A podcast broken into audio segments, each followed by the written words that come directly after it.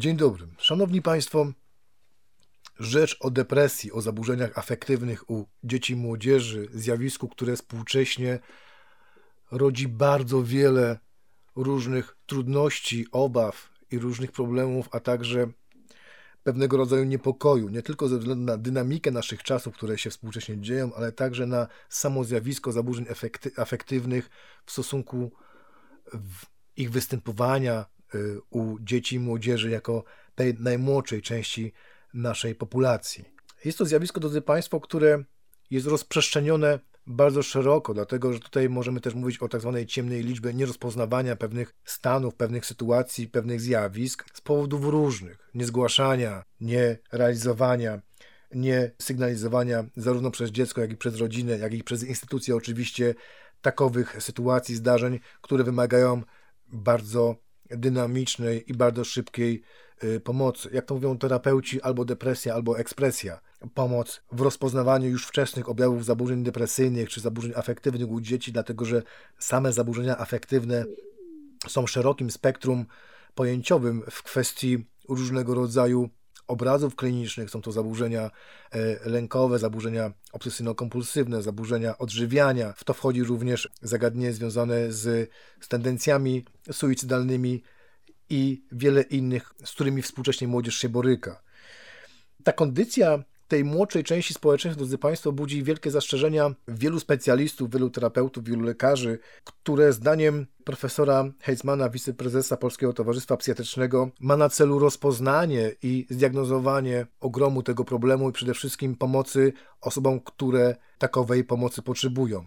Współcześnie, drodzy Państwo, szacuje się, że od około 10 do 30% osób nastoletnich i dzieci, oczywiście, dlatego że mówimy tutaj o dzieciach i nastolatkach, które przebywają w okresie adolescencji. Około 10 do 30% drodzy Państwo boryka się z różnymi problemami, trudnościami psychicznymi w którym oczywiście przeważają zaburzenia lękowe, zaburzenia depresyjne, zaburzenia odżywienia, czy oczywiście e, kwestie uzależnienia. Tutaj należy zaznaczyć, że tą kwestię uzależnienia należy traktować bardzo szeroko, dlatego że to są nie tylko uzależnienia od substancji psychoaktywnych, ale również uzależnienia behawioralne, czynnościowe, jak na przykład uzależnienia od gier, od internetu, od Facebooka, od innych y, aplikacji, z których na co dzień korzystamy. Do drugiej połowy XX wieku, drodzy Państwo, ten problem zaburzeń afektywnych u dzieci i młodzieży był troszkę na dalszym planie w kwestii rozpoznawania i zdiagnozowania, no ale i także leczenia. Y, dlatego, że ta diagnoza, rozpoznanie, zrozumienie, ujęcie etiologii tego problemu warunkowało dalsze postępowanie terapeutyczne czy postępowanie w stosunku do tego młodego pacjenta. Oczywiście toczyły się dysputy wśród psychologów, psychiatrów, czy uznać rzeczywiście jako odrębną jednostkę zaburzeń, problem zaburzeń afektywnych u dzieci, czy rzeczywiście jest to zwykły obraz zaburzeń depresyjnych, różnego rodzaju postaci, różnego rodzaju przejawów form, takich samych jak u osób dorosłych.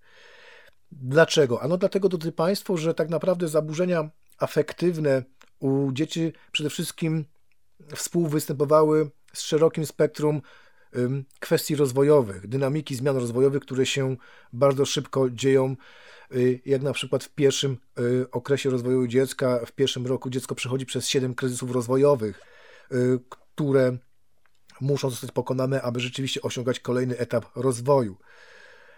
Dlatego tutaj w tym wypadku te dyskusje były dość mocno toczone i argumenty były zarówno za i przeciw, czy rzeczywiście nie uznać odczucia smutku, pustki, zagubienia jako naturalnego etapu rozwoju młodego człowieka, który jak to mówił Jacek Bomba i profesor Maria Orbit e, w, w, swoich książkach, jest to pewnego rodzaju drugie narodzenie się, drugie narodziny osoby nastoletniej, dla której ten świat z racji rozwoju neuropsychicznego, neurobiologicznego jest światem nowym i te pytania, które powstają u osób nastoletnich, często spotykają się ze zdziwieniem u osób y, świata dorosłych, które są dość mocno filozoficzne, dość mocno ideologiczne. Jednak ten pogląd, oczywiście, który panował, że ten typ zaburzeń nie powinien zostać rozpoznawany i roztrząsany w kierunku ustalania nowych zaburzeń, nowych jednostek zaburzeń afektywnych u dzieci. On się zmienił, drodzy Państwo, dlatego, że tak naprawdę okazało się, że po zbadaniu tego zjawiska, próby osiągnięcia jakiegoś konsensusu w, w tym temacie, stwierdzono rzeczywiście, że można określić odrębne formy funkcjonowania, istnienia stanów depresyjnych, epizodów y, afektywnych u dzieci, które różnią się od epizodów depresyjnych czy zaburzeń afektywnych świata osób dorosłych. Tutaj problem oczywiście jest wspomniana tak zwana ciemna liczba, która jakże w każdym innym materiale badawczym, dydaktycznym należy do kwestii trudnych z powodu badania, nie odkrycia. Jaki jest obraz, drodzy Państwo, zaburzeń depresyjnych u dzieci i młodzieży? Na początku, drodzy Państwo, starano się, aby diagnozować zaburzenia depresyjne u dzieci i młodzieży takimi samymi kryteriami diagnostycznymi, jak to było u osób dorosłych. Czyli to odczucie smutku, pustki, obniżenie nastroju podstawowego, obniżenie napędu psychorowego, e, zaburzenia łaknienia, zaburzenia snu, zaburzenia relacji społecznych, interpersonalnych, szczególnie z osobami bliskimi, które musiały wystąpić na przestrzeni około dwóch tygodni. Natomiast też zastanawiałem się nad tym, czy przypadkiem nie jest tak, że zachowania, które wynikają z nastrojów depresyjnych, mm, są dość mocno monokauzualne. Okazuje się, drodzy Państwo, w toku badań, że tak naprawdę te teorie jednoczynnikowe, które wskazywały na jednoznaczność występowania y, tych y, zaburzeń, mm, uległy degradacji i już dzisiaj współcześnie nie mają racji bytu. Tutaj należy wspomnieć przede wszystkim taki przykład jednoczynnikowych teorii, jak na przykład uwarunkowania fizyczne czy biologiczne w stosunku do y, zachowań przestępczych, na przykład Cezarego Lembroza, które dzisiaj rzeczywiście już trafiły do lamusa w kwestii nauk resocjalizacyjnych y, czy kryminologicznych. Należy przede wszystkim mieć na uwadze, drodzy Państwo, że zaburzenia afektywne, a szczególnie zaburzenia depresyjne różnią się swym przebiegiem, ale także i obrazem, jeżeli chodzi o osoby dorosłe, jak i że osoby nieletnie, a szczególnie osoby, które są przed 12 rokiem życia, przed tym okresie preadolescencyjnym, które tak naprawdę yy, z racji swojego charakteru rozwoju nie potrafią wyrażać pewnych stanów emocjonalnych, nie potrafią werbalizować, nie potrafią o nich do końca mówić, ale też przede wszystkim nie są ich świadome. Tutaj, drodzy Państwo, należy wskazać, że e, pomimo występowania takich stanów depresyjnych jak smutek, przygnębienie czy poczucie nieszczęśliwości zawodu, pustki, rozpaczy, płaczliwości w okresie dzieciństwa, Cechą charakterystyczną dla tego typu stanów afektywnych jest występowanie również złości, drażliwości, gniewu czy na przykład nastrojów dysforycznych. Mogli się nagle pojawić wybuch żalu, wybuch płaczu, krzyku, złości i zachowań, które są no, niecodziennym objawem, y, obrazem dla tego typu zachowań dla dzieci. Tym bardziej, drodzy Państwo, tutaj terapeuci mają mocną wskazówkę dla rodziców, dlatego że z racji niemożliwości interpretacji czy werbalizacji swoich stanów emocjonalnych przez dziecko, szczególnie dzieci młodsze, czyli dzieci w wieku 3, 4, 7 lat, terapeuci wskazują, że należy to dziecko dość dobrze obserwować. Znajomość zachowań, rytuału swojego dziecka, y, cech y, konstytucyjnych, jeżeli chodzi o funkcjonowanie tego dziecka w codzienności i różnego rodzaju odstępstwa, które trwają zbyt długo, y, zbyt natarczywie i zbyt silnie, mogą wskazywać na pewnego rodzaju aberracje w funkcjonowaniu tego, tego dziecka.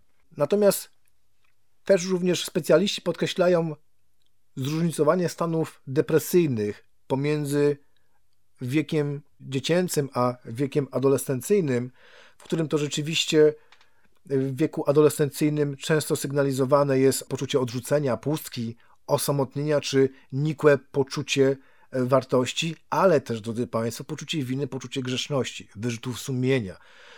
Mm, Wojciech Helberger stwierdził bardzo wyraźną i bardzo ważną rzecz, że y, należy odróżnić odczucia smutku od przejawów depresji, dlatego że smutek ma z reguły wyraźną przyczynę, ma gdzieś swoje źródło, coś się stało, że ten człowiek taki smutek odczuwa. Natomiast depresja, drodzy Państwo, rozlewa się na szereg, praktycznie na całokształt funkcjonowania człowieka. Obejmuje swoimi e, mackami całokształt działania, wszystkie aspekty sfery funkcjonowania tego człowieka.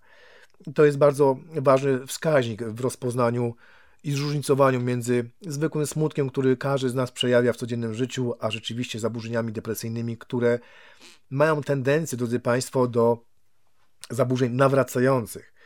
Mm, natomiast w przypadku Dzieci oczywiście tutaj można mówić o pewnych specyficznych oznakach zaburzeń depresyjnych, które wiążą się nie tyle co z poczuciem smutku, z, wyrażaniem tego poczucia smutku, ale również z tą pobudliwością psychoruchową, drażliwością, złością, y, tym niepokojem ruchowym, ciągłym ustawicznym chodzeniem, ciągłym ustawicznym dokonywaniem czynności, które nie były zauważalne wcześniej u tego dziecka. Jeszcze jedną bardzo ważną charakterystyczną cechą u osób w wieku adolescencyjnym, jeżeli chodzi o zróżnicowanie obrazu między zaburzeniami depresyjnymi u adolescentów a osób dorosłych, jest y, również słabsze odczuwanie anhedonii, czyli tego y, braku poczucia szczęścia, braku poczucia radości, niż jest to w przypadku osób dorosłych. To jest, drodzy Państwo, bardzo istotne, dlatego że mm, to w sposób wyraźnie różni, różnicuje, jeżeli chodzi o, o tego typu zachowania. Oczywiście manifestacja emocji, jeżeli chodzi o dzieci, drodzy Państwo, wyraża się przede wszystkim w jego zachowaniu z powodów tych, których wcześniej wspominałem, czyli braku możliwości werbalizowania, sformalizowania czy określania, nazywania swoich stanów emocjonalnych, więc tutaj należy bardzo mocno, bardzo wyraźnie wskazywać, że obserwacja dziecka, jego zachowania, jego codziennych rytuałów, następstw jego decyzji ma dalekosiężne znaczenie w, w kwestii rozpoznawania zaburzeń afektywnych. Oczywiście nie każdy smutek jest depresją, y, jak to stwierdzają terapeuci, więc nie należy też tutaj przesadzać w tych kwestiach. Dzisiaj, drodzy Państwo, doszliśmy do momentu w klasyfikacjach, tak jak właśnie ICD-10 czy DSM-5, że ustaliliśmy kryteria, które będą wskazywały i, i klasyfikowały nam określone zaburzenia afektywne, zarówno wśród osób dorosłych, jak tak samo wśród y, dzieci i młodzieży w tym okresie adolescencyjnym. One są, drodzy Państwo, bardzo zbieżne, jeżeli chodzi o okres dorosły i e, okres y, adolescencyjny. Natomiast w przypadku epizodu depresyjnego, który wystąpi u dzieci, należy rzeczywiście e, wskazywać na specyficzne cechy, które są charakterystyczne dla tego okresu rozwojowego. Oczywiście wymieniając y, w kwestii klasyfikacji, mamy do czynienia z epizodem maniakalnym, zaburzeniami afektywnymi dwubiegunowymi, epizodem depresyjnym, zaburzeniami depresyjnymi nawracającymi czy uporczywymi zaburzeniami nastroju i wiele innych. Na potrzeby teorii, drodzy Państwo, Jacek Bomba skonstruował cztery rodzaje depresji u dzieci i młodzieży, czyli to są depresja e, czysta, depresja z rezygnacją, depresja z niepokojem i oczywiście depresja hipochondryczna podobnym tonie, podobnym oczywiście, wybrzmiewała klasyfikacja Kępińskiego, który również wskazał na tą postać apatyczną, abuliczną, czy buntowniczą, rezygnacyjną, czy labilną. Dlaczego depresja, drodzy Państwo, jest takim problemem, który dzisiaj dość mocno alarmujący sposób podnosi Y, zainteresowanie osób dorosłych, świata osób dorosłych, jeżeli chodzi o świat dziecięcy. Dlatego, drodzy Państwo, że szacuje się, że y, w następnych latach lub latach nam już bliskich zaburzenia depresyjne będą stanowić drugą jednostkę y, zaburzeń zaraz po chorobach układu krążenia. To bardzo dużo, drodzy Państwo.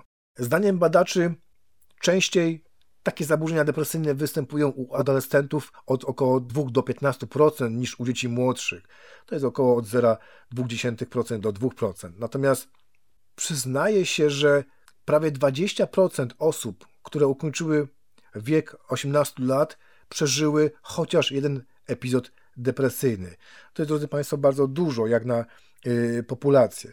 Oczywiście te badania są y, dostępne, można się z nimi zapoznać, więc tutaj wskazuje się rzeczywiście na różnorodność obrazu klinicznego, jeżeli chodzi o depresję, i tak w przypadku występowania depresji u dziewcząt i u chłopców, częściej ona występuje u chłopców przed okresem dojrzewania, natomiast w przypadku dziewcząt już w okresie adolescencji. Szacuje się, drodzy Państwo, że od 30 do 70% dzieci, które doświadczyły epizodu depresyjnego e, w swoim wieku, czy dziecięcym, czy adolescencyjnym, doświadczą go lub również będą doświadczać w okresie y, dorosłym, czyli tego epizodów tych nawracających. Zaburzenia afektywne, drodzy Państwo, z racji swojej natury, swojego charakteru, czyli związane z taką triadą poznania, emocje, zachowanie, y, utrwalonym obrazem samego siebie, y, tym intrapsychicznym obrazem swojej osobowości, swojej osoby, otoczeniem świata, otoczeniem rodzinnym, mają, drodzy Państwo, bardzo głębokie korzenie w funkcjonowaniu y, dziecięcym i z niego się tak naprawdę bardzo wiele tych zaburzeń wywodzi, wynika. O czym mowa, drodzy Państwo? Mowa, drodzy Państwo, o badaniach Spica, który tak naprawdę wykazał wbrew przekonaniom dość szerokiemu gronu badaczy zajmujących się problemem zaburzeń afektywnych, że zaburzenia depresyjne mogą również, drodzy Państwo, dotykać takiego okresu rozwoju człowieka, jakim jest niemowlęctwo, czyli do pierwszego roku życia. Połowie XX wieku Spitz zbadał 123 dzieci, z których 23 wykazywały zaburzenia afektywne, depresyjne. To były dzieci, które od, były odseparowane od y, matki w określonym okresie życia, wobec których nie zostało podjęte, podjęto żadnych kroków w stosunku do zapewnienia im dalszego ciągu opieki, bliskości, zarówno tej emocjonalnej, fizykalnej, jak i tej psychicznej. Te dzieci rzeczywiście wykazywały cechy, które mogłyby wskazywać na zaburzenia afektywne. To są oczywiście cechy dotyczące zaburzenia łaknienia, snu, pogorszenia stanu fizycznego, a oczywiście w dalszej perspektywie apatię, stereotypie ruchowe y, w formie na przykład kiwania głową. Co robić, drodzy Państwo, żeby uchronić dzieci i młodzież przed takowymi zaburzeniami?